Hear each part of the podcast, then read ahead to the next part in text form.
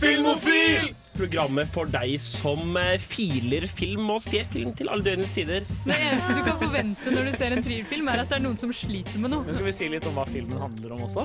Vi kan gjøre det Før denne jeg er for sein. For jeg har jo et brennende hat mot La La Land. Jeg ser det selvfølgelig på japansk. Ja, da. så Men klart du gjør det.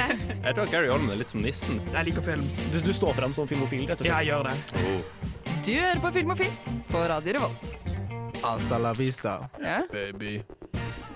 Ja, hei og velkommen til nok en sending med Filmofil, studentradioens eget filmmagasin her på Radio Revolt. I kveld skal vi snakke litt om gangsterfilm i anledning eh, premieren på Racer and the Jailbird.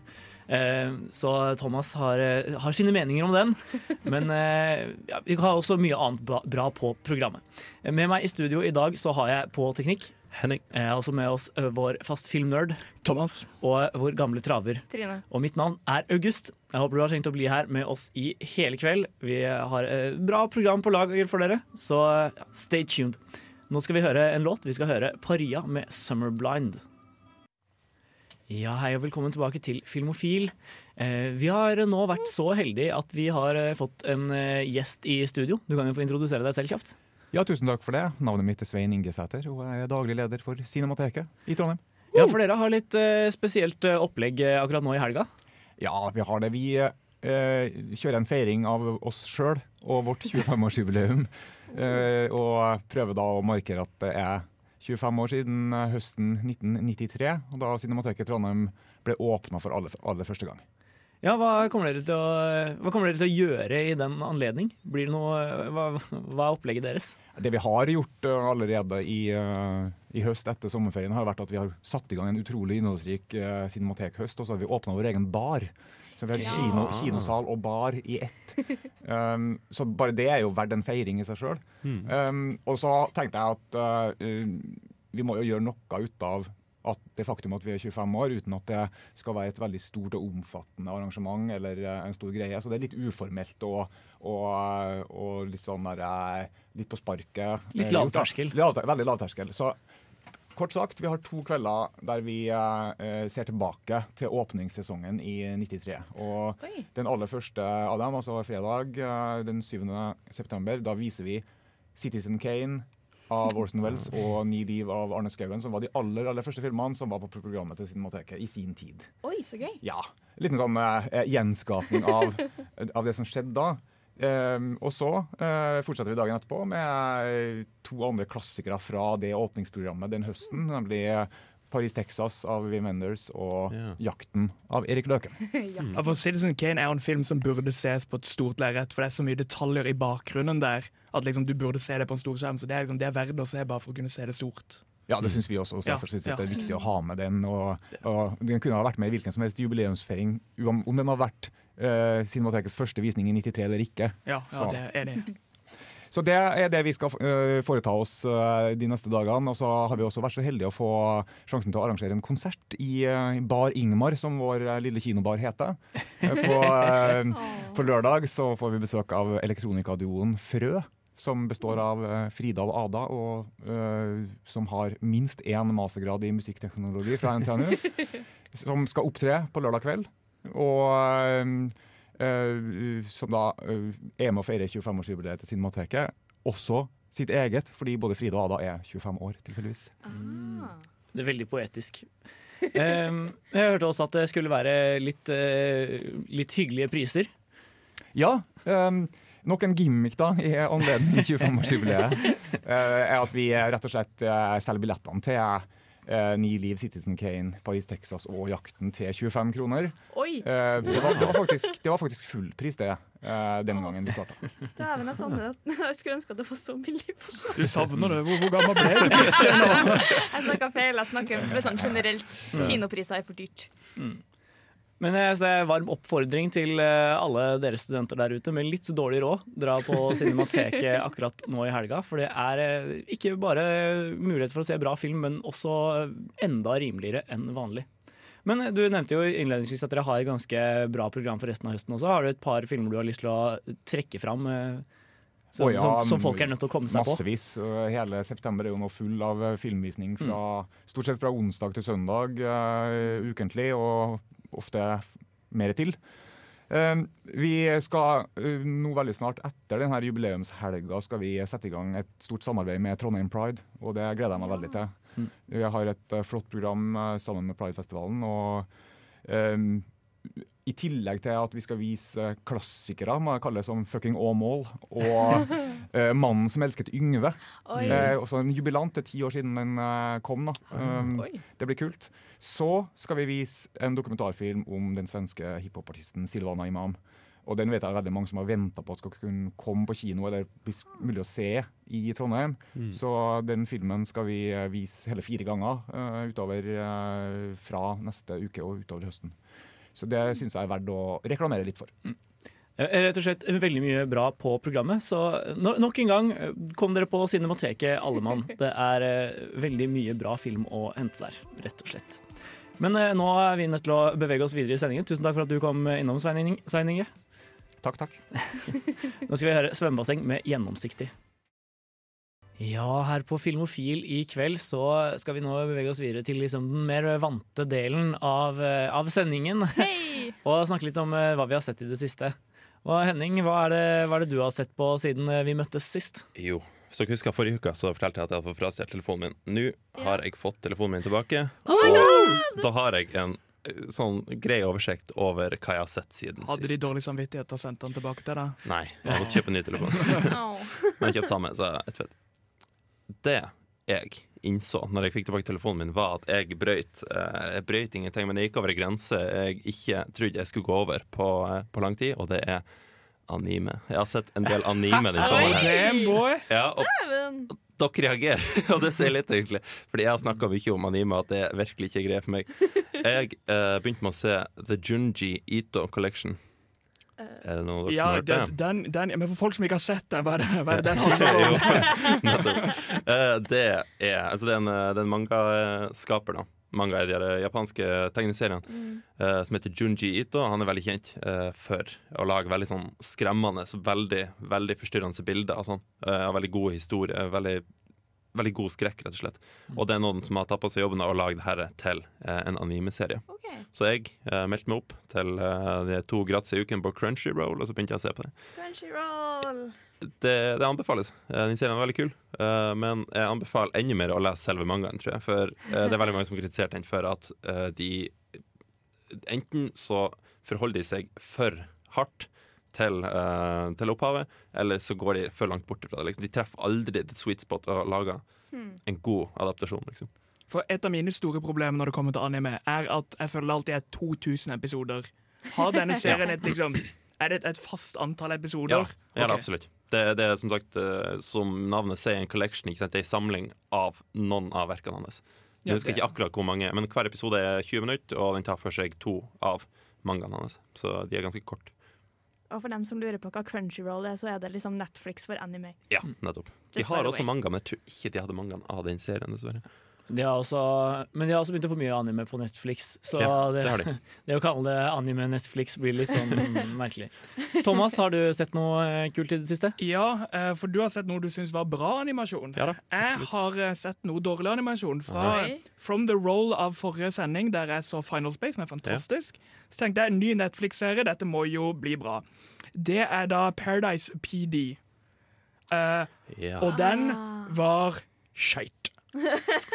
Hva er, hva er konseptet? Eh, konseptet er basically det at eh, Du vet hvordan folk er sånn eh, Family Guy har blitt for PG-13? Mhm.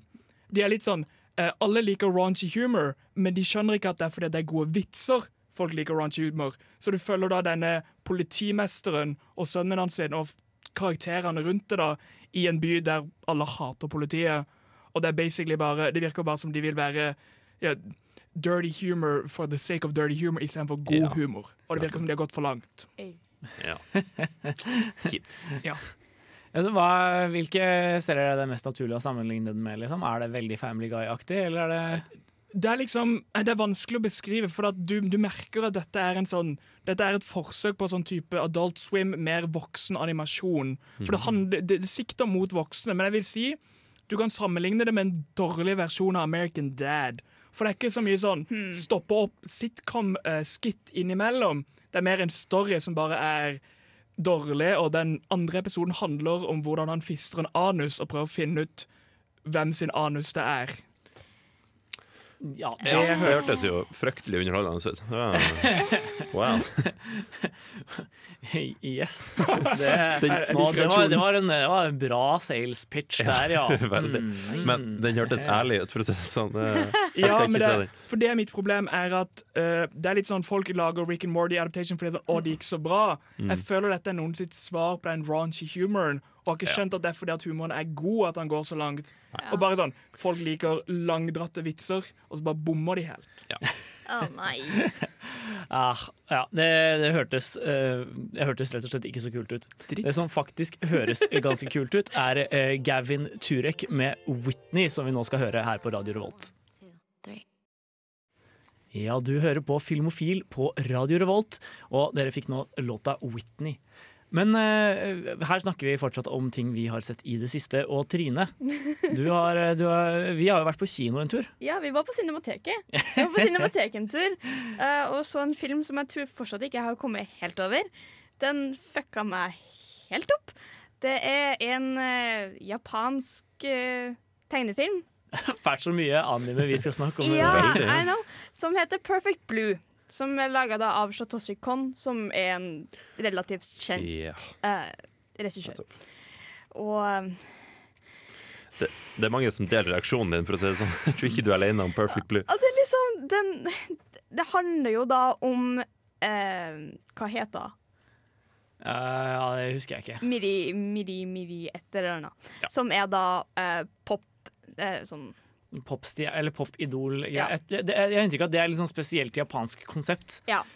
Med sånne jenter som på en måte får hele imaget sitt bygd av et slags sånn PR-selskap. Ja. Som skal sette sammen en gruppe og bygge identiteten deres som personer. Eh, og eh, ja, hun er litt lei av den personen hun har fått, Ja. og skal begynne å prøve å endre på det da ved å bli skuespiller i stedet for. ja. Og så skjer det mye rart som man ikke er helt sikker på om er ekte eller er drøm eller what the fuck.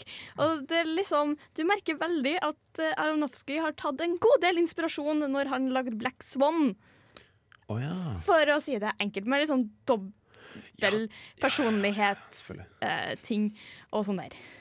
Ja, jeg, så en uh, Watch Mojo-video for et par år, for, par, par, par år tilbake. Det var den som fikk meg til å liksom, innse at den filmen var en ting. Um, men i hvert fall, de, de sammenlignet med Hva om Se for deg at uh, eh, Alfred Hitchcock og David Lynch går sammen om å lage en anime. Ja. Det er litt sånn. Det er litt, sånn. Det er Så- litt vanskelig å forklare. Det, det er den Ja, og tidvis så er det sånn Å ja, shit, det var det her som egentlig skjedde. Og så plutselig bare Og så tror du at ok, nå er det ferdig, men så fortsetter filmen, og så skjer det liksom tre-fire ganger før Bare sånn Og du tror det var det som skjedde? Nei. pranked. Så Get wrecked, son! det, Men det, det var en veldig det var en veldig interessant filmopplevelse. Jeg Ja. anbefaler alle å se den hvis de får muligheten. Ja, Du merker litt at eh, han hadde ikke det største budsjettet i verden når han lagde den filmen. Det er vel første spillefilmen hans også, for så vidt. Ja, Animasjonsstilen var ikke det beste, men overall var det en uh, veldig liksom, worthwhile eh, film. Ja. Uh, Jeg er glad vi var flere som sånn, for å si det sånn. Det er en sånn film hvor du går ut av kinosalen og må snakke med noen med en gang. Du har ikke lyst til å gå hjem med bussen og så gå hele veien hjem. Nei. Mørke. Jeg øh, har sett en annen film også da, i løpet av uka. Oi. Eh, jeg så eh, Jeg så remaken av 'Skjønnheten og udyret'. Å, Ah. den, den live action-skvipet action, eh, til Disney. Med Emma Watson. Ja, for Jeg har på en måte prøvd å følge Emma Watson sin karriere ganske tett. Fordi jeg syns hun er veldig veldig bra i Harry Potter-filmene. Ja. Og mye av det hun har gjort etterpå, har vært veldig spennende. Altså, den, Rollen hennes i The Bling Ring er jo det beste aspektet ved den filmen. Ja. Og øh, ja, jeg syns også hun øh, gjør en helt OK rolle i Noah, og i Perks of Being a Wallflower er herregud. kjempefin. Mm. Eh, Men hvorfor jeg, jeg tror hun sliter med nostalgi, hun òg. Ja. For eh, jeg, jeg ser på en måte ingen gode grunner for at hun skal ta på seg hovedrollen i 'Skjønnheten og videre', annet enn at hun har et veldig nostalgisk forhold til den originale filmen. Ja. For den, eh, det, det var tydelig allerede fra manuset at den filmen liksom ikke var helt der. Jeg satt der og var litt sånn Oi, hvorfor, hvorfor har de endra på dette? Det her var jo litt rart. Det var veldig mye, av, veldig mye den følelsen av sånn Ja, OK, men, men hvorfor? Ja, det, det er noen endringer som er bedre. da. Det at uh, Når den trolldommen blir kasta, så sier de det at alle innbyggerne som var i nærheten av slottet, glemmer at det eksisterer, helt pga. den trolldommen. Pluss at jeg liker, jeg liker Evermore når han synger etter Bella Dratt. Den, den låta syns jeg er så fin. Og jeg liker det bedre enn at den bare står og gauler som han gjør i tegnefilmen. Ja, samtidig så var det veldig mange Det du nevner nå med at liksom De, de, de har på en måte patcha over en del av eh, plotthullene de Ja. hadde i den originale filmen. Eh, men samtidig så er det gjort med så utrolig forced dialog veldig ofte. Det At liksom det, det tar deg ut av filmopplevelsen og blir veldig sånn derre å å ja, nå var de jammen flinke som fiksa det plotthullet. Og så er det liksom Ja, jeg vel, den er tilpassa cinema sins. Er liksom hvordan kan, vi, hvordan kan vi få best mulig score av Eller lavest mulig sin count på en cinema sins-video? Det er litt det jeg føler eh, den filmen prøvde, å, prøvde på. Og det er et veldig kjedelig prosjekt. Kan. Men jeg tenker jo det at med den filmen så var det jo en ganske sånn shot by shot slags ja, oppussing av den originale animasjonen, så jeg likte jo det. Jeg, jeg syns det var en god ting de gjorde der.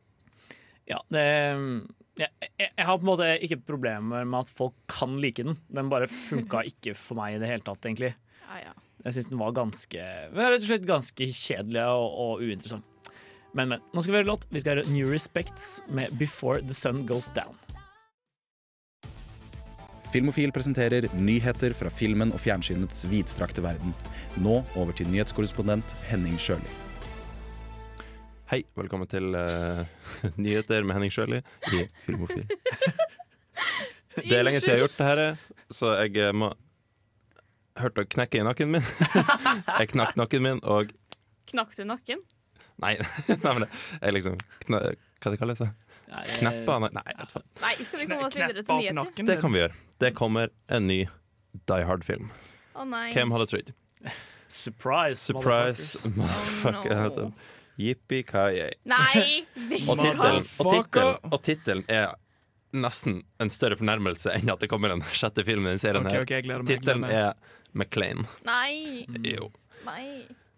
Jeg, altså, jeg, jeg kan ikke forstå at de fortsetter å lage de her. For, for de to forrige filmene var ikke gode. De var ikke godt mottatt. Det var ikke mange som så de, men allikevel det, det, det må jo være at de tjente lite penger relativt i forhold til klassikerne. Liksom. De to første var jo enorme hits.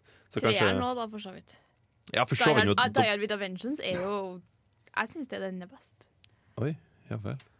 Kontroversiell påstand her. Absolutt. Det, det, men det jeg ikke skjønner, er jo hvorfor Bruce Willis gidder å gjøre det her lenger. Mm. For han har på en måte tatt steget litt mer inn i dramatiske roller sånn med åra. Jeg syns jo eksempel han er utrolig god i Moonrise Kingdom.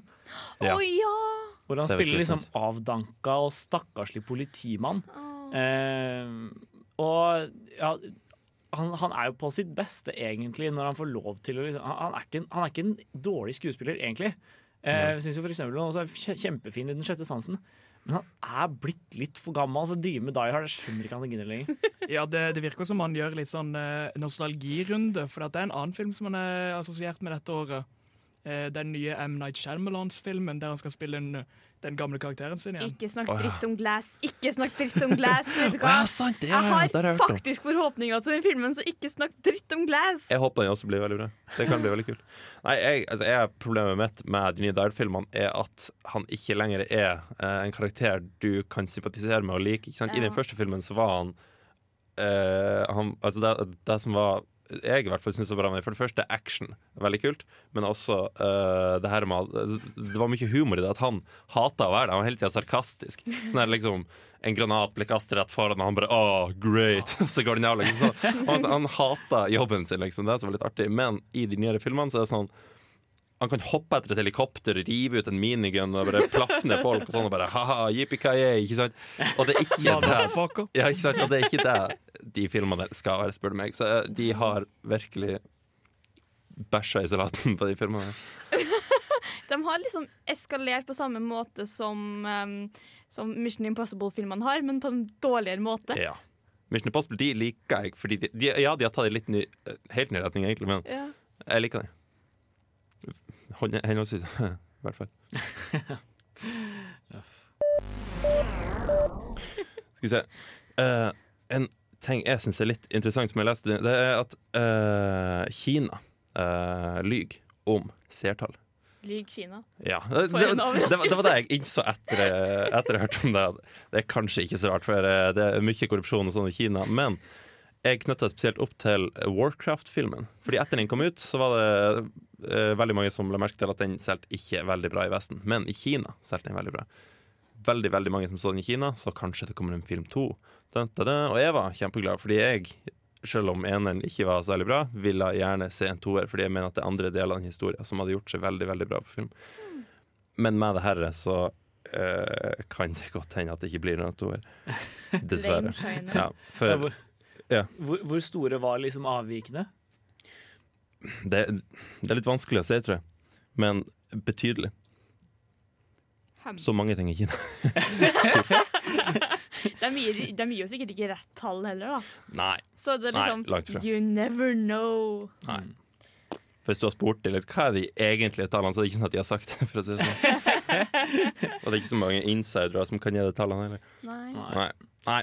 Kjipt. Det blir ikke noe Warcraft 2, sannsynligvis. Ja ja.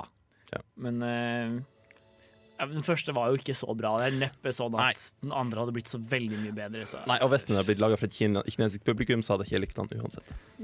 Men nå skal vi høre låt. Vi skal høre Margrethe med 'Joy'. Velkommen tilbake til Filmofil. Vi er, driver fortsatt med litt sånn eh, nyheter med Henning Sjøli. Og har du noen flere nyheter til oss? Det har jeg. Det kommer, eh, Apropos oppfølgere. Den her er litt mer velkommen, mistenker jeg, og det er Zombieland 2. Hæ, skjønner er- skjer det faktisk? Ja, det kommer. Den er vel under vei. Eh, nyheter som kom, for Den har vært annonsert for en stund siden, men nyheter Å, ja. om den er at uh, den skal inneholde uh, super zombies. Og jeg skjønner ikke hvorfor det er en nyhet, men det, det er flere som har Ja, det er Jeg, jeg kan uh, Jeg This new super zombie type is faster, bigger and stronger than the previous strain of zombies and harder to kill. var et sitat fra eh, en artikkel. Eh, jeg så ikke Zombieland for zombiene, for å si det sånn. Nei, Nei. Er det sånn at du følger de samme karakterene, eller er det bare samme universet? For Ja. Hvis det er samme karakterer, så har jeg lyst til å se den. Hvis ikke, så meh. Det er fire, i hvert fall, uh, som er annonsert så langt. Uh, Emma Stone, Abigail Breslin, Woody Harrelson og Jesse Eisenberg er annonsert. Ja. Da vil jeg se nice.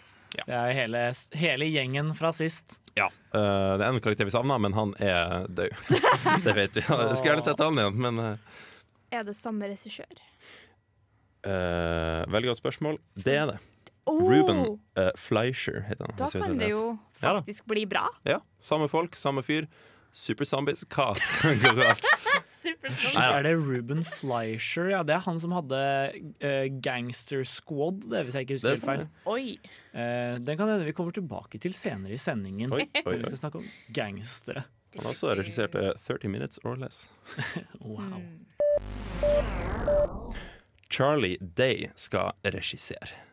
Charlie, Charlie, Charlie. Så jeg bare, for de som ikke vet hvem Charlie Day er, uh, han uh, filmer som jeg vet folk her om har sett, i hvert fall, det er Pacific Rim. Han spiller han den gale, gale forskeren som uh, prøver å sette seg sjøl inn i hjernen til de monstrene. Eller hva det er for noe. Han er mest kjent for å ha spilt karakteren Charlie Green, tror jeg han heter, i It's Always Sunny in Philadelphia. Og jeg har sett den serien her, og jeg elsker serien, og jeg elsker fyren. Han er lett den beste delen mer eller mindre ved den serien der, men han funka virkelig ikke i noe annet han gjør. Bortsett fra Pacific Rim. Der var han. Er det han som er det der memet på internett? Den er conspiracy! Ja, ja, ja, ja, det er han. han. Pepe Silvia er der, står det på veggen der. Jeg synes det er veldig artig i serien der, men ved veldig få unntak, så alt han tar på, blir til dritt, rett og slett. Dessverre. Men, men det kan jo hende at hvis han sitter i registolen, at han får tilpasse filmen til sin stil. da Kanskje. Jeg får håpe det, for han har en veldig distinkt stil eh, som funker på veldig spesifikke tidspunkt, føler jeg. Mm. Så kanskje hvis han ikke blir eh, satt eh, i selene til en eller annen regissør, så får han til noe kult. Kanskje. Men eh, står det noe om hva, hva prosjektet skal være? Det var en Hollywood-komedie. El Tonto heter den. Det hørtes skikkelig teit ut. ja, det, jeg er ikke overbevist. Charlie, Charlie, Charlie. Så, I det minste så er det en komedie, for det hadde vært enda reddere hadde det vært sånn skrekkfilm eller drama. Da hadde jeg vært litt sånn what the ja, han, han kunne ha tatt en sånn uh, John Kransky. Ja, ja, John Krasinski, men Ja, også John han eh, Herregud, han, eh, han svarte meg, han som er Keen Peel. Herregud. Jordan Peel heter han. Stemmer. Han. Det, så det, det har funka før. Mm. Det det. Vi får se. Vi får se. Eminem uh, har sagt oh, at han skal ha en uh, sang i Venom-filmen. Og jeg, jeg skjønner ikke hvor det starta, at rappere skal ha sanger i soundtracks på superheltfilmer. Så det er én mindre grunn til å se Venom. Det er en mer grunn Jeg, homo. jeg, jeg skal være helt ærlig. Jeg, jeg, uh, det var en av grunnene til at jeg så uh, Black Panther. Det var fordi han uh, Kendrick Lamar. Kendrick Lamar ja, hadde soundtrack. Og jeg tenkte wow, kult Men når det kom ut av filmen, så kom jeg på at jeg gikk glipp av Kendrick. Hvor var Kendrick? Liksom? For jeg hørte, jeg hørte virkelig ingenting fra Kendrick i filmen. Jeg vil bare si at han er jo eh, en Oscar-vinnende musikkskriver liksom, skriver til film, så jeg, så Det jeg er håper han. sangen er 'Lose Yourself in the Venom'. Jeg er klar for det. Herregud. Har Eller 'Without Venom'. Venom. Ja, Eller real, 'Real Venom, Please Stand Up'. Jeg tror jeg går, jeg. Ha det, folkens. Ja, han har jo skrevet sanger om oppkast og sånn tidligere. Ja. Det er jo litt sånn jeg vet ikke, Det er litt sånn uh, forgiftningstema. ja, ja. Og det nye albumet hans sitt, som er sånn to-tre dager gammelt, er mye råere enn det der litt mer sånn tullete han hadde i gamle dager. Så det kan bli kult. Vi får se. Men jeg, er, jeg forholder meg skeptisk inntil Ja. videre. Ikke at jeg vil se Venom fra før av, men nå vil jeg se den mindre. Jeg vet ikke. Jeg, hvorvidt Eminem er involvert eller ikke, har lite å si for hvor mye jeg har lyst til å se en film. Okay. Men nå skal vi se Nå skal vi høre en låt. Vi skal høre Mall Girl med Slay Queen. Ja, velkommen tilbake til Filmofil. Vi skal nå bevege oss over på den uh, temadelen av denne ukens sending. For vi skal snakke litt om eh, Eller vi skal diskutere gangsterfilmer i dag. Og se på hva gangsterfilm er, og hvordan det har utviklet seg. Og Mm. og i den anledning så har du vært på kino og anmeldt en eh, ny eh, film, eh, Thomas. Ja, jeg hadde muligheten til å dra og se Racer and the Jailbird. Og før jeg begynner å snakke om den filmen, så vil jeg bare ta opp hva den egentlig heter. For den heter El Fidel, som betyr The Faithful. Og det forteller veldig mye mer hva filmen er. For Racer and the Jailbird høres ut som en gangsterfilm. The Racer Faithful handler om hva det egentlig er. En film om mellom mellommenneskelighet. Det er faktisk mye av problemet jeg har med filmen. Tittel, rett og slett. Ja, for at tittelen setter deg i et mood, og denne filmen var ikke det moodet jeg ble solgt i tittelen. For når du sier racer, så tenker jeg ok, dette skal handle om racing. Gjør Ja. ikke det.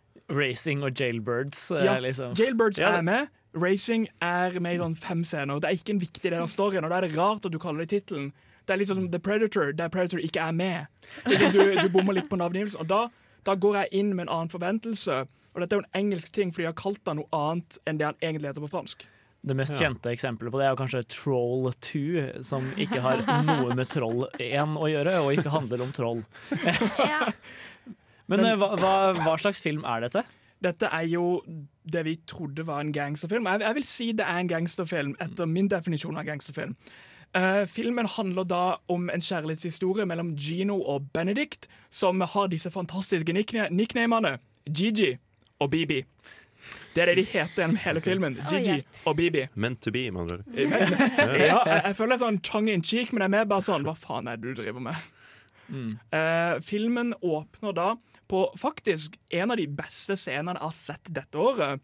Det er da barndommen til vår mannlige karakter Gino, som har ingen dialog fra hans side, men filmingen, framingen og storyen setter filmen så perfekt opp at jeg var, jeg var klar for denne filmen. Det var sånn eh, Det var en gøy sommer med mye actionfilmer. Jeg har kost meg på Deadpool, men det var på tide å få litt Brainfather, følte jeg. For denne filmen sin åpning var sånn OK, det slo meg rett i hjerterota. Jeg var klar for det denne filmen skulle servere meg. Og det er nesten verdt å gå og se den åpningen, og så bare gå. For den var veldig sterk og veldig god. Problemet er etter det, for der faller han fra hverandre. Da, da går vi til en voksen Gino som da har gått inn i den kriminelle verden og jobber nå som bankraner. Og selvfølgelig så skal han jo bare gjøre én jobb til. Å nei. uh, på et av disse eventene der de, der de spaner ut etter framtidige mål, da, så møter han da Benedict, som da er Bibi, eh, på da et racing-event, for hun er raceren i denne filmen. Og eh, her er noe av den verste mm, sånn manusskrivinga jeg har sett på lenge, med linjer som for eksempel eh, Do you have a boyfriend? If you do, I will leave. oh, no. det, deilig. What about a date tomorrow? No flowers. Jeg bare sånn da, da, What? Eh, eh, det var faktisk, Denne filmen hadde vært bedre hadde du bare skrudd av subtitlene. For det som, er, det som utvikler seg videre, da er jo kjærlighetshistorien. Eh, og da selvfølgelig dette siste bankran. Og tør noen å gjette hvordan dette går? Dårlig. Det går dårlig. Han ender, han ender da, som tittelen sier, i fengsel. Uh, og Spoiler. OK, da har vi Racer, og vi har Jail... Ah, ok, jeg skjønner. Ah. eh, Nei, og for to. Her kommer litt av problemet med denne filmen, fordi at er, visse elementer er fantastiske. Det mellommenneskelige er så sykt pent. Hvis du ser vekk fra hva de sier, og hvordan det er satt opp, så er det en fantastisk pen historie om mennesker, og det passer mye bedre med tittelen The Faithful. For det handler om hvordan i løpet av filmen så skjer det noe ille med henne, og han bryter seg ut av fengsel hele tiden. Sånn fem, seks, syv ganger. Men han går alltid hjem til henne, og så blir han bare henta av politiet, for han vil bare sjekke at hun har det bra. Og det er en veldig sånn god romanse der. Problemet er at før han havner i fengsel, så går det 120 minutter. Og jeg legit trodde filmen var over og reiste meg opp. Og innså nei, det er 40 minutter til av denne filmen. og det er de 40 gode minuttene. Men det har så dårlig tid til å utforske dette elementene. Ok, Så se starten av filmen, ta en time pause, og så kom tilbake. ja vel. Sånn, eh, så, så en, en litt sånn eh, Ja, eh, en film som har store sprik mellom sine beste og sine verste sider, da. Ja. Litt som Interstellar. Verre. Nei, men eh, vi skal i hvert fall snakke om et par gode gangsterfilmer i løpet av denne sendingen også, så stay tuned. Eh, men før vi gjør det, skal vi høre White Denim med 'Performance'. For et program i burra med både klasse og stil. Du hører på Filmofil. Vi hadde litt uh, potensielle tekniske problemer her. Var- Men, eh, Dodge the bullet. men vi er tilbake med mer filmofil. Ting, eh, ting ordna seg. Ting ordna seg alltid. Henning fikser. Selvfølgelig. Men uh, som jeg nevnte i starten av Thomas sin uh, anmeldelse før låta her, så eh, skal vi snakke om gangsterfilmer i kveld. Og først er vi nødt til å bare snakke litt hva, hva, hva, vil, eh, hva vil egentlig si at en film er en gangsterfilm, Thomas? Uh, det er her vi har hatt mye debatter, for jeg har prøvd å finne en sånn, sånn filmatisk ting som gjør det til en gangsterfilm. Altså noe, om det er noe med filminga, litt sånn som en humorfilm er morsom, er det noen elementer? Og det jeg har kommet fram til, er at det må handle om gangstere. Men det må ikke handle om noe spesifikk handling. Det kan ikke være et bankran. Det kan ikke være dop. Det må handle om det mellommenneskelige mellom gangsterne. Så storyen er ikke det at de selger dop, det er en side story. For at det skal være en gangsterfilm, så må hoved, eh, hovedkarakterene være gangstere og handle om den indre strukturen som er gangster, mer indre spill i gangstermiljøet, da. Er min definisjon av en gangsterfilm. Jeg, synes det, var, det, var et, det, var et, øh, det var en interessant måte å angripe det på. For altså det er jo veldig lett å, å si som du gjorde innledningsvis, at liksom, nei, gangsterfilm er en film om gangstere. Men det gjør deg liksom ikke så mye klokere. For jeg, jeg føler det er mange filmer om gangstere som på en måte ikke er helt gangsterfilmer.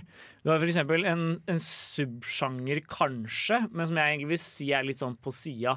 Som er på heist-filmen, da. Ja. Hvor, Ja. hvor hele den narrative strukturen er basert på at du har en gruppe mennesker som skal gjøre et eller annet kupp.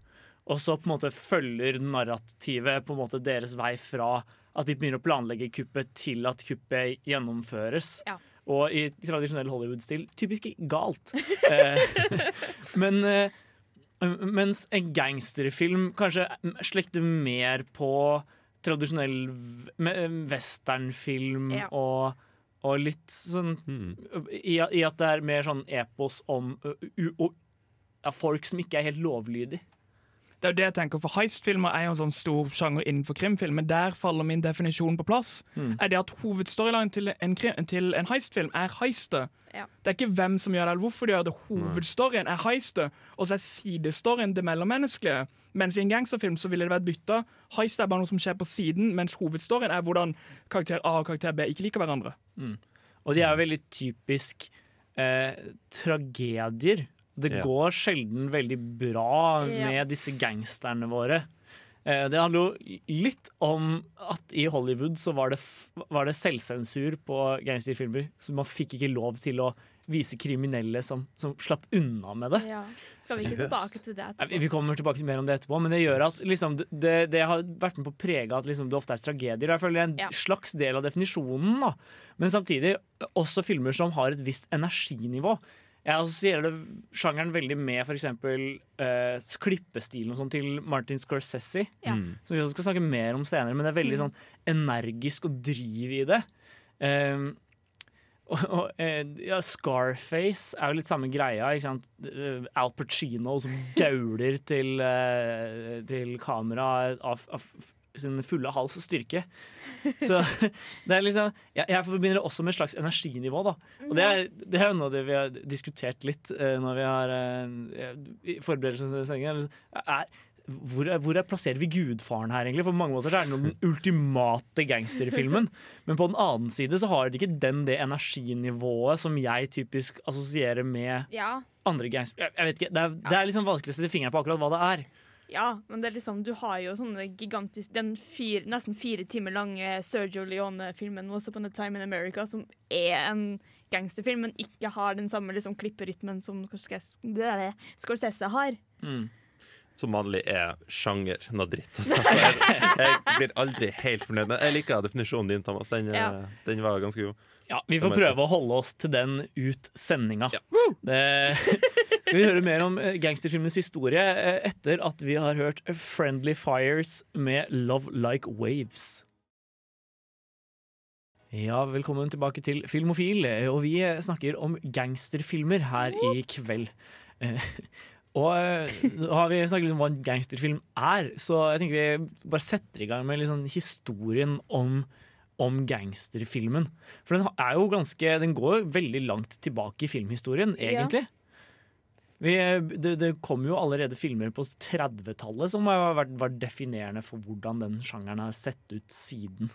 Mm. Særlig, særlig Scarface og eh, Little Caesar Ja, er vel også Caesar. en av de tidlige, viktige filmene. Mm.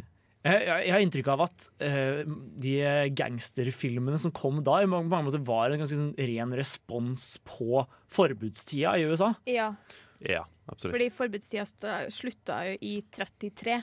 Mm. Det starta i 1920 Mm. og varte til 33, og det liksom, etter det så kom det en del sånn gangsterfilmer som var basert på ekte gangstere. da. Mm. Som liksom Al Capone og Ja, for det er litt morsomt nå, for gangsterfilmer er veldig ofte satt til forbudstida. Ja.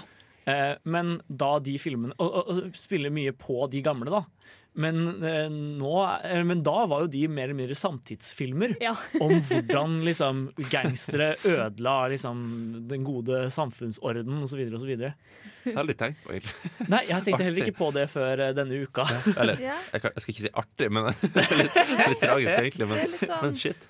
Det er gøy å se hva som er samtidsfilm, liksom. Ja. På en Jøss. Ja. Mens eh, etter hvert så eh, Du hadde ikke så mye gangsterfilm utover ja, 40-50-tallet. Der er det mer sånn Ja. filmer som følger seg inn i film noir-sjangeren. Og politi, fordi Haze Code kom og Mm. Ja, Mye av grunnen til det var jo det at, som vi har sagt tidligere, at eh, Hollywood eh, liksom sensurerte seg selv. Så da, kunne, da flytta du basically gangsterkarakteren over til politiet. Og han var liksom samme måte å oppføre seg på, men nå gjorde han det for det gode, så da var det greit. Ja. Så det var, liksom, Sånn, ja. det var en reaksjon på det. Hardbarka detektiver, pri Ja. privatdetektiver også. Har sin egen metode. Doesn't Ja. go by the book. Og så hadde alle rom persienner med sånn lys som kom Ja. gjennom og ga sånn striper i ansiktene på folk. Over skrivebordet. Ja, med saksofonmusikk i bakgrunnen. Men um, i hvert fall rundt Denne Haze Code varte jo ikke for alltid. Nei. For utover eh, 60-70-tallet så ble den gradvis erstattet av The MPAA, Mm. som mange hater den dag i dag.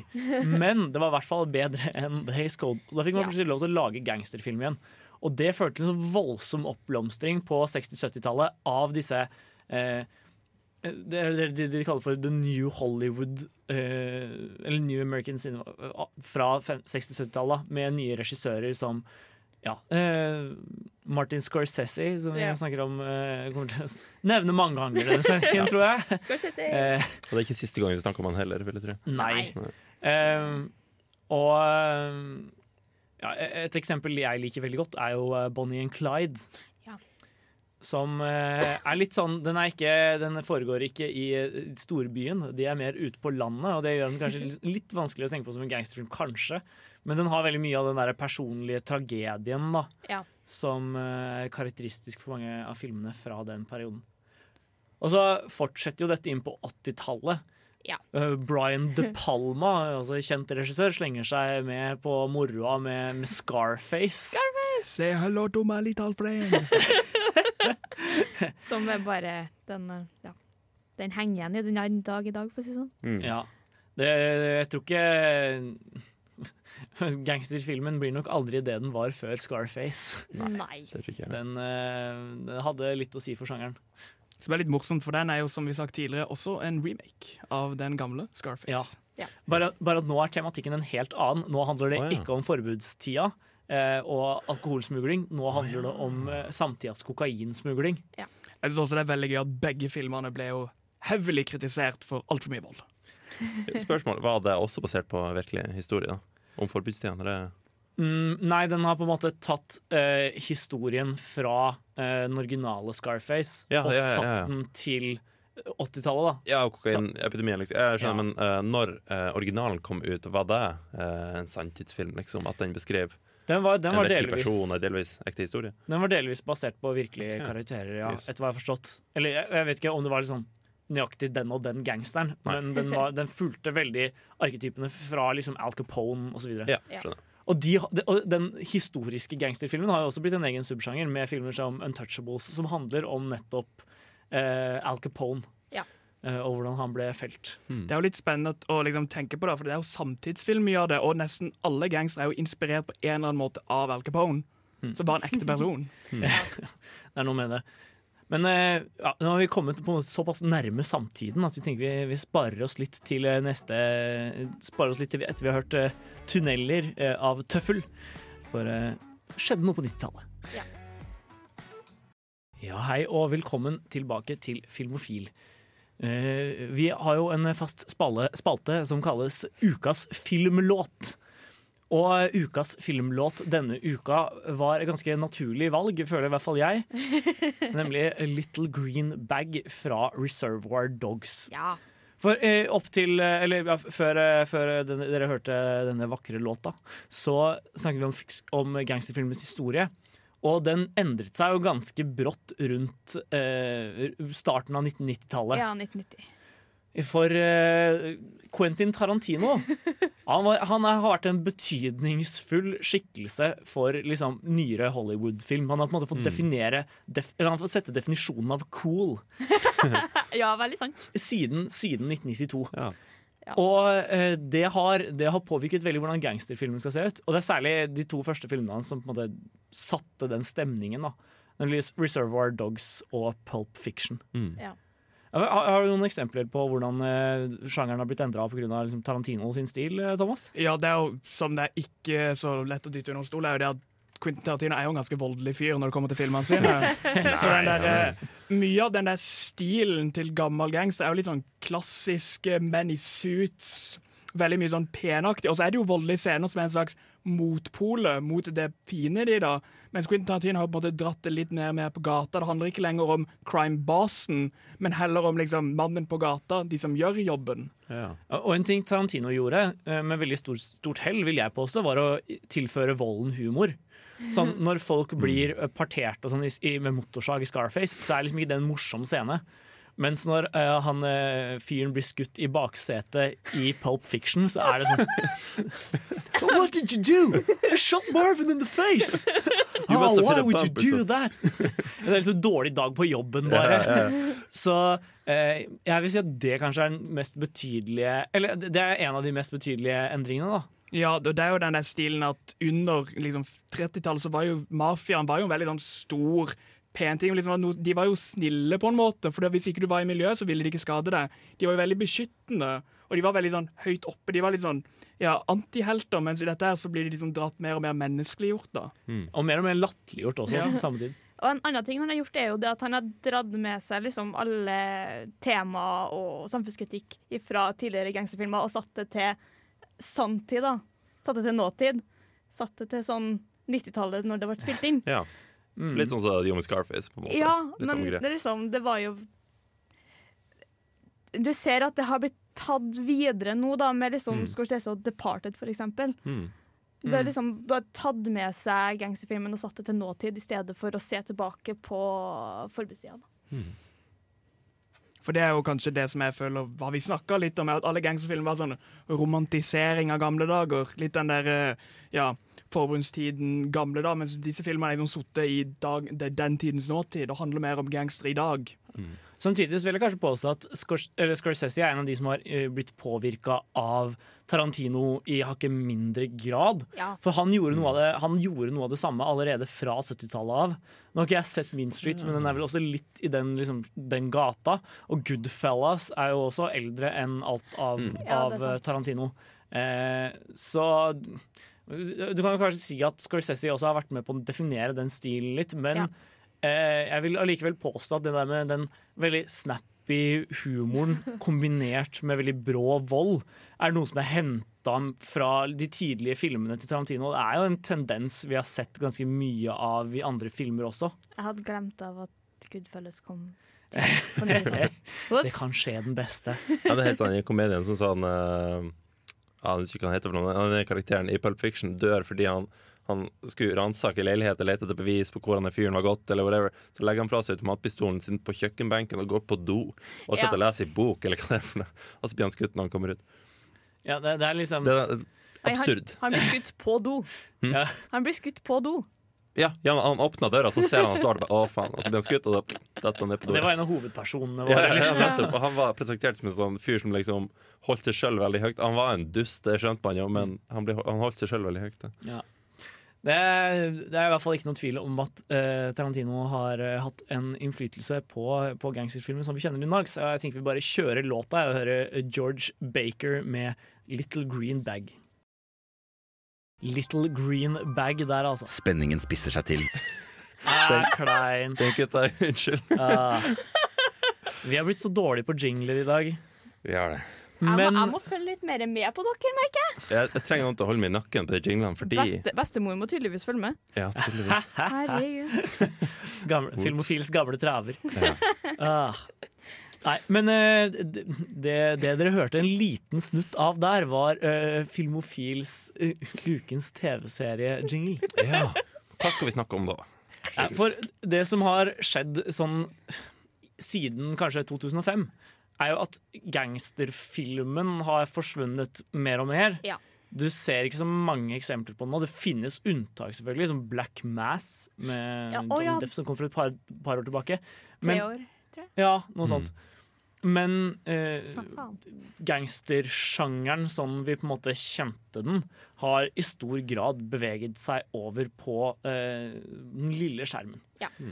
For the golden age of television er jo et fenomen man snakker om i disse dager. Men at på en måte serialiserte greier som streames på nettet, er mye større og veldig, av veldig mye høyere kvalitet enn det noen gang var.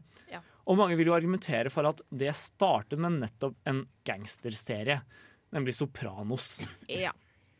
Sopranos tar jo for seg måte, historien om en gangsterboss som får et nervøst sammenbrudd. Og alle tror han har fått et hjertestans eller noe sånt. Okay. Men så viser det seg at han har bare gått i sjokk. og det er en liksom pinlig affære for han da, som må- gå til psykolog og sånn. Det er disse, det er disse psykologteamene som ja. legger, ja, legger standarden for serien. da. Um, men uh, Vi kommer ikke gå så veldig mye mer i dybden på Sopranos. For vi, uh, men men altså, poenget er i hvert fall at da den serien kom, så ble den Så, så på en måte velta den om hele TV-serielandskapet, for den ble så høyt ansett at folk plutselig skjønte Og, og den ble så populær. Folk kom tilbake uke etter uke for å se det. På, det var jo en HBO-produksjon. Mm. Så plutselig falt folk ut at liksom, det går an å lage eh, TV-serier med et stort budsjett og tjene på det, da, hvis man lager høy kvalitet i sitt innhold. Ja, fordi gangster, sånn gangstertema og sånn er en grei ting å ta for seg over flere episoder og Ja, flere sesonger. Fordi absolutt. du blir mer kjent med mennesker. Hvis det skal være en sånn medmenneskelig tema, da, så blir du jo mer kjent med dem. Og det virker som at det funker bedre enn om det er på film. Mm. Det var, du tok ordene ut av munnen, men egentlig jo mer jeg tenker på det, jo mer mening gir det for meg at akkurat det gangstertemaet har blitt serie i stedet for film. Fordi Ja. for, altså, Det som gjør det så interessant, også med Gudfaren, er fordi du gjør et sånt, et sånn dypdykk i veldig interessant konflikt. Ja. Altså moralitet og sånn familie i forhold til vold og kriminalitet. Ikke sant? Hva kan du gjøre Mm. uh, for familien? Altså, Breaking Bad det er litt shady om man kan kalle det gangster eller ikke. Jeg har vært problemer med å kalle det en gangsterserie, men Ja, jeg syns det er perfekt for uh, TV-serieformatet. i hvert fall. Ja, og du, du kan jo si at Breaking Bad også har veldig mange sånn gangsterfilmaktige tendenser. Ja. Ja. Den på en måte den, den tragedien uh, den representerer, og også litt sånn det, det, det rise and fall-tematikken. Jeg kommer til, mer tilbake til konkrete temaer som ofte tas opp etterpå. Ja. Men en ting jeg skulle nevne var at eh, du så jo på veldig mange av gangsterfilmene, særlig de gamle og klassiske, at de også var dritlange. Ja, Og det er fordi For å få til karakterutvikling så trenger man tid. Eh, og ja, altså Både 'Gudfaren 1 og 2 er jo lange filmer, og du Ja. trengte begge to for å fortelle den historien. på en måte Eh, Scarface også er en lang film, hvorfor ikke å snakke om også på den Time in America. Vet du hva, jeg, har, jeg vet at uh, Leone har had, liksom ville ha det på sånn to filmer på tre timer. Jeg har veldig lyst til å sette meg ned og se på de to filmene på tre timer på en kveld. Vær så snill, for den filmen er så bra. Ja, for det, du hadde vært mye lettere å, å overgå hvis du tenker det er åtte episoder på en halvtime hver. Ja. Istedenfor én film på fire timer. Og det, det passer jo som vi har sagt flere ganger, hvis det mellommenneskelige er gangsterfilm, og heistfilm er selve oppdraget, så er jo heist veldig mye bedre på film. Mm. I form av Ocean-serien, i form av eh, eh, Fast Fast-serien, liksom. Mens gangster gjør seg bedre på den lille skjermen. Ja. Så eh, det, det er i hvert fall en Det er nok på TV-skjermen vi har sett de mest karakteristiske og kanskje beste gangsteraktige fortellingene Mm. ja, det siste tiåret, da. Ja. vil Ja, jeg jo det, det finnes selvfølgelig unntak, men Mm. jeg ser på det som en, som en naturlig utvikling. på en måte Og jeg er veldig glad det skjedde. Det, Ja, det Det har jo veldig, ledet- veldig, veldig gode serier. Det har jo ledd til noen veldig gode serier. Mm. Altså, Sopranos er et godt eksempel på det, og ja, Breaking Bad, som du nevner. Men eh, nå skal vi høre låt. Vi skal høre The Sideways med Isle of You, etterfulgt av en liten pause. Hei, mitt navn er Atle Antonsen. Du lytter til Filmofil på radio Revolt, og det gjør du helt til programmet er ferdig. Atle Antonsen, ass. Han veit hva han snakker om. Ja. Men på eh, her på Filmofil i kveld så snakker vi om gangsterfilmer. Og sånn, eh, nå som vi begynner å nærme oss slutten, føler jeg vi, vi har gjort oss klare for å dykke litt dypere ned i liksom, tematikken her. For hva er det karakteristiske en gangsterfilm egentlig handler om? Gangstere. Thomas, du kan Mind gå. blown. Jeg vet jeg kan faktisk gå rett Etter du har tatt imot den prisen her fra meg. For kunnskapsrikhet. Nei, for det er jo en sjanger som heter kriminellfilmer, som gangster er en subgenre av. Så det kan jo være kriminelle er med i filmen uten at det er en gangsterfilm. Så et viktig element er jo at det er organisert kriminelle. Mm. Ja. Men, eh, men hvilke underliggende temaer er det som på en måte blir skildret i disse filmene? Du nevnte jo noen tidligere nå. Mm. Altså, Forrige, før jeg hørte en her. Det var uh, Rise and Fall nevnte du også. Ja, grå, menneskets grådighet er jo også veldig sånn karakteristisk sånn gjennomgående. Ja. Men vi kan snakke litt først om den der Rise and Fall-tematikken. fordi Ja. eh, Det er en veldig typisk måte eller Det, det bærer eh, filmene veldig ofte preg av sånn narrativt også. Du følger på en måte en skikkelses vei til makta, Mm. eh, og så idet de når toppen, så på en måte kollapser alt, Ja. og på en måte man ser dem falle helt i bånn igjen. da Mm. Ja, for jeg leste et sted at det er en sånn ja, forvikling og forvrengning av den amerikanske drømmen.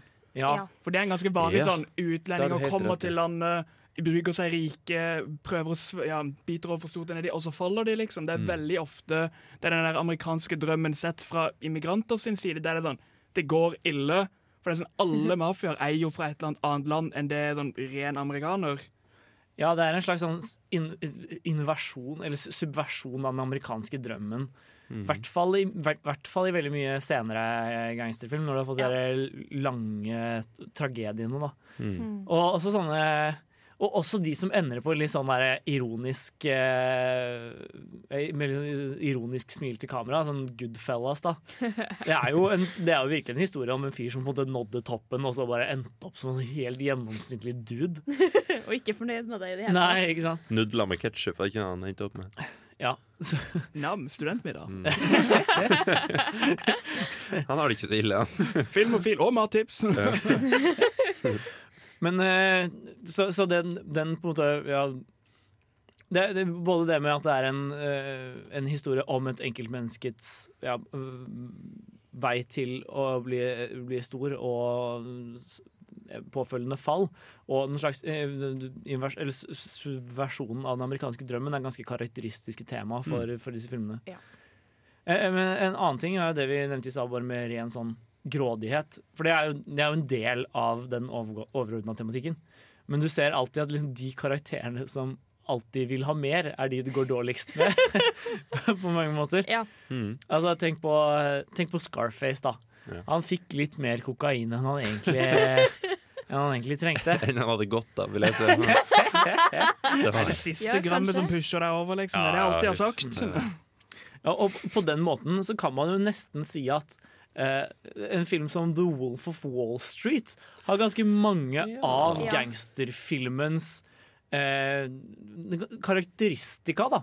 Den, eh, den handler ikke direkte om gangstere, annet enn at de er liksom Altså, de er jo, de er jo kjipe folk, de også, på en måte. De gjør vel direkte ulovlige ting med å selge stokk på en annen pris enn det de kan, så de er jo kriminelle. Ja, Ja. og de, uh, de bruker veldig mange sånn loopholes sånn for å skjule uh, måten de tjener penger på, og sånn, og derfor sånn white color crime, liksom. Men det er ikke det du kobler til krim, på en måte, i krimfilm. Ja, Det, jeg men- tror det er litt derfor du ikke har lyst til å kalle det en gangsterfilm. Ja, jeg tror vel mer det jeg prøver å si til, er at den tematisk og, og Ja. st eh, strukturmessig Ja. minner veldig mye om en gangsterfilm. Da. Ja, absolutt. Hvis, du, hvis du legger historien i The Wolf of Wall Street oppå Goodfellas, så er det liksom overraskende stor overlapp sånn, Ja. sånn narrativt. Og hvis du bare bytter uh, stokk med kokain, så er det jo basically ja. Men uh, det er jo igjen Det jeg føler er ikke så mye at de har vært inspirert av gangsterfilm, men at det heller er ja, Det er jo et syn, det er et Magnus Open på hva som har gått galt i Amerika, egentlig. Mm. Og det er jo litt den der at det som er kriminelle, det er jo galt, men her har du en sånn Sannheten og virkeligheten har blitt fucka. Ja, for eh, det kan jeg synes er, eller, det, er- det er et interessant perspektiv for det, på det. Fordi da, med en gang folk lager gangsterfilm andre steder, så får du litt sånn annen, eh, annet perspektiv på det. Jeg tenkte eksempel over det med Profeten. Jeg vet ikke om noen av dere har sett den, men Det er en fransk fengselsfilm, men som i hvert fall ender med at han, hovedpersonen har klatra stigen i fengselet da, og blir mer eller mindre en gangsterboss. Så den er, den har helt motsatt på en måte, struktur av det du typisk finner i de amerikanske. Men nå er vi nesten nødt til å ta for oss en, en liten låt.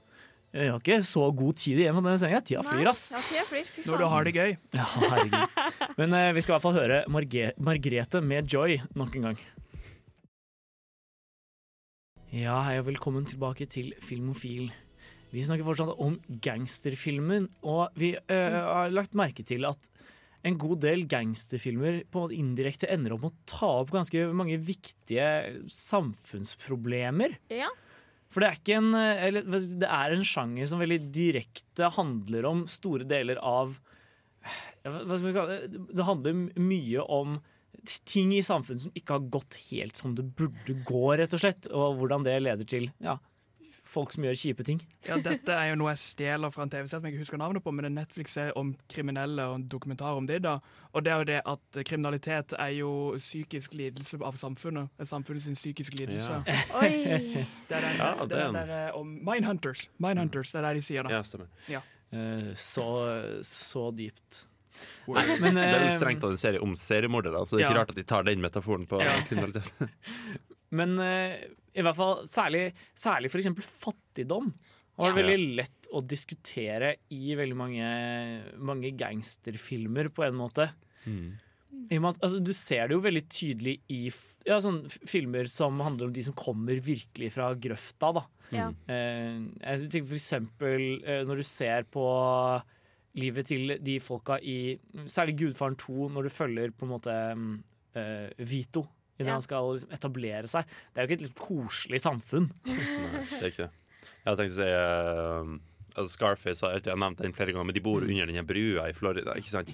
Det er jo, det er jo en getto, mer eller mindre. ikke sant? Og det er uh, selvfølgelig at uh, temaene henger sammen her, men det der med at de biter over mer enn de klarer å tygge. ikke sant? Selvfølgelig, Mm. Når du kommer fra et sånt sted, Colombia, ikke det, kommer dit, bor under ei bru i Florida i månedsvis eller årevis, jeg husker ikke, men så kommer du ut og bli eksponert for helt sinnssyk rikdom. Det ja, det, det er veldig kult. Ja, det, det henger jo ganske godt sammen med gangsterrap-sjangeren. Der de ja, i ganske god periode kom fra slummer og dårlige områder og bygger seg opp liksom ved hjelp av noe annet enn kriminalitet. Ja.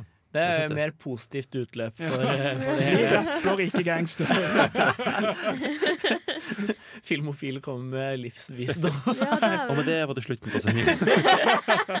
Ikke helt ennå, vi har litt Nei, nei, vel litt tid. Ja. Men eh, eh, et annet tema som har blitt hyppig diskutert, særlig kanskje i det siste, er jo narkotika. Mm. Ja. Du ser jo en del av eh, Jeg, jeg får litt uh, lyst til å trekke inn, trekke inn 'Requiem for a Dream' her. Okay. For ja, altså, vi, vi var inne på det uh, før, uh, før forrige låt, at mye av den sentrale tematikken i gangsterfilmer ofte er en slags sånn inversjon av eh, den amerikanske drømmen. Ja. Og det er jo ingen filmer som har gjort mer av det enn 'Requiem for a Dream'. ja, Det er veldig sant. De er også veldig på en måte i den derre De er jo også litt gang, gang. Men de driver jo og skal uh, bygge seg opp som dop- dopdealere, Ja, det er sant. to av de. Mm. Uh, og det går jo skikkelig til helvete. Jeg føler den mm.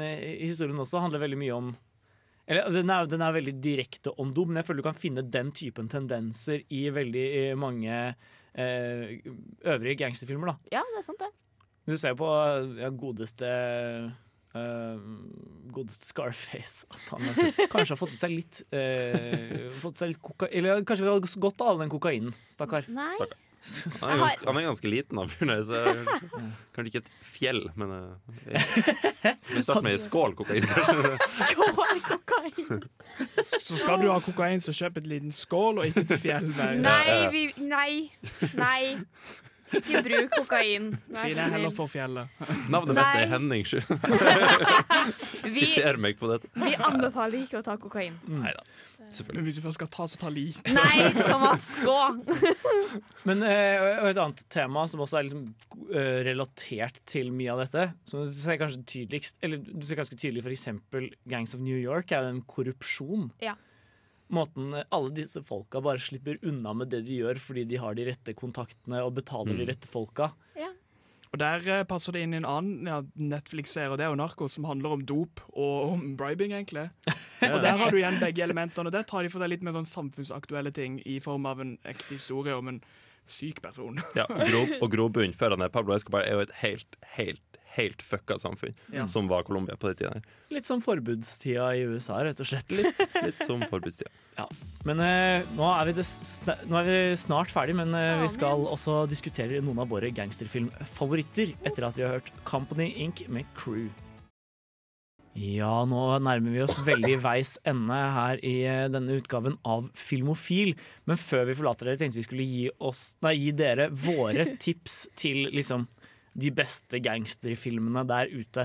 Og du kan få begynne du, Trine. Har du en eh, favoritt? Ja, jeg har jo det, da. Den, den så jeg jo ganske nylig også. Mm. Den så jeg på søndag. Eller natt til mandag. Det var ikke Å, ja. det smarteste jeg har gjort. Det er Once Upon a Time in America. Okay. Den er nesten fire timer lang, og det er Ah. det er Sergio Leone som har regien på det. Han som liksom har lagd Once Upon a Time in the West og The Good, The Bad, The Ugly. Ja. Han er jo en veldig flink regissør, og han får liksom de fire timene med Robert De Niro til å gå dritkjapt. Det er sånn Å ja, det er ferdig! OK. Det er liksom livshistorien da til en eh, gangster som kalles Noodles.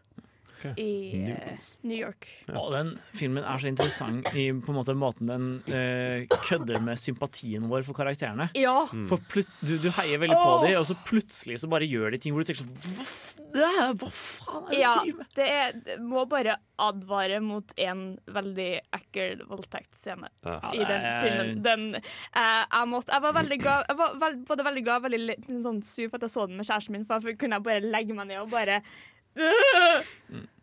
Thomas, har du en favoritt? Ja, det er jo en regissør som jeg føler vi har glemt litt, som burde snakkes om, og det er jo Guy Ritchie. Og det er min favoritt, det er Snatch. For det er liksom det er, Hvis du tenker Quentin, Ar- eh, Quentin Tarantino er på en måte den amerikanske versjonen av krimkomedie, så er vel Guy Ritchie den britiske. Eh, og han har en sånn fantastisk gøy måte å sette opp historiene sine som er fantastisk gode krimfilmer. Det er jo Snatch og eh, Lockstock and Two Smoking som er filmer som er verdt å se bare fordi at de er gode filmer, og de er gode gangsterfilmer. Ja, de, er, de er jo litt over mot heist-kategorien, noen av de nesten. Veldig energisk og Jeg, jeg syns det, det er gøy å se Guy Ritchie-film. ass. Jævlig artig, faktisk. Min uh, favoritt-gangsterfilm må jeg si er Pulp Fiction. Og Jeg, jeg liker ikke å være en eh, pleb, som det heter, som eh, går til eh, Quentin Tarantino, men virkelig, altså, det er en veldig god gangsterfilm, og som du sier, han uh, definerte sjangeren på nytt igjen med de, de her filmene sine, og Pulp Fiction er favorittene. Altså, vi skulle vel mellom Reservoir Dogs og Pulp Fiction, selvfølgelig. Reservoir Dog. Reservoir Dogs, ja. Men altså, det er jo ikke egentlig et kontroversielt valg. Altså, Neida, det, absolutt er, ikke. det er kanskje litt mainstream i disse dager, men nesten alle er jo enige om at Pulp Fiction er en vanvittig bra film. Og liksom, Å kalle noe mainstream er jo bare at folk er enige om det. Det trenger ikke å være en fornærmelse. Nei, det skal sies hvis jeg Altså, det skal, det skal sies at liksom eh, den jevne 50-åring hadde liksom det, det er de som har verst filmsmak, spør du meg, og de ville vil selvfølgelig sagt sånn Goodfelles som de har sett 80 ganger, eller noe sånt. Mm. Så klart, jeg vet ikke. Nei, eh, Pop Fiction er eh, viktig ikke bare for eh, oss her i Filmofil, men også i en filmhistorisk kontekst. Altså den ikke, ikke nok med at den revitaliserte gangsterfilmsjangeren, men den, eh, den eh, gjorde også at indiefilm ble en greie. Ja. Jeg kom nå til å tenke på at den eh, lommeboka jeg var frastjålet i Spania, den sto bad motherfucker på. Nei! Faktisk. Den er borte vekk. Oh. Jeg tror ikke sånn 40 kroner på en eller nettside. Ja, det er jo kanskje det- Jeg tror det er ganske lett å få tak i en bad motherfucker-lommebok ja, for, for tida. Det er sant.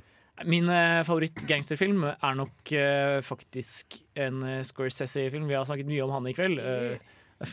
av naturlige årsaker. Han har lagd mange av de, og alle er bra.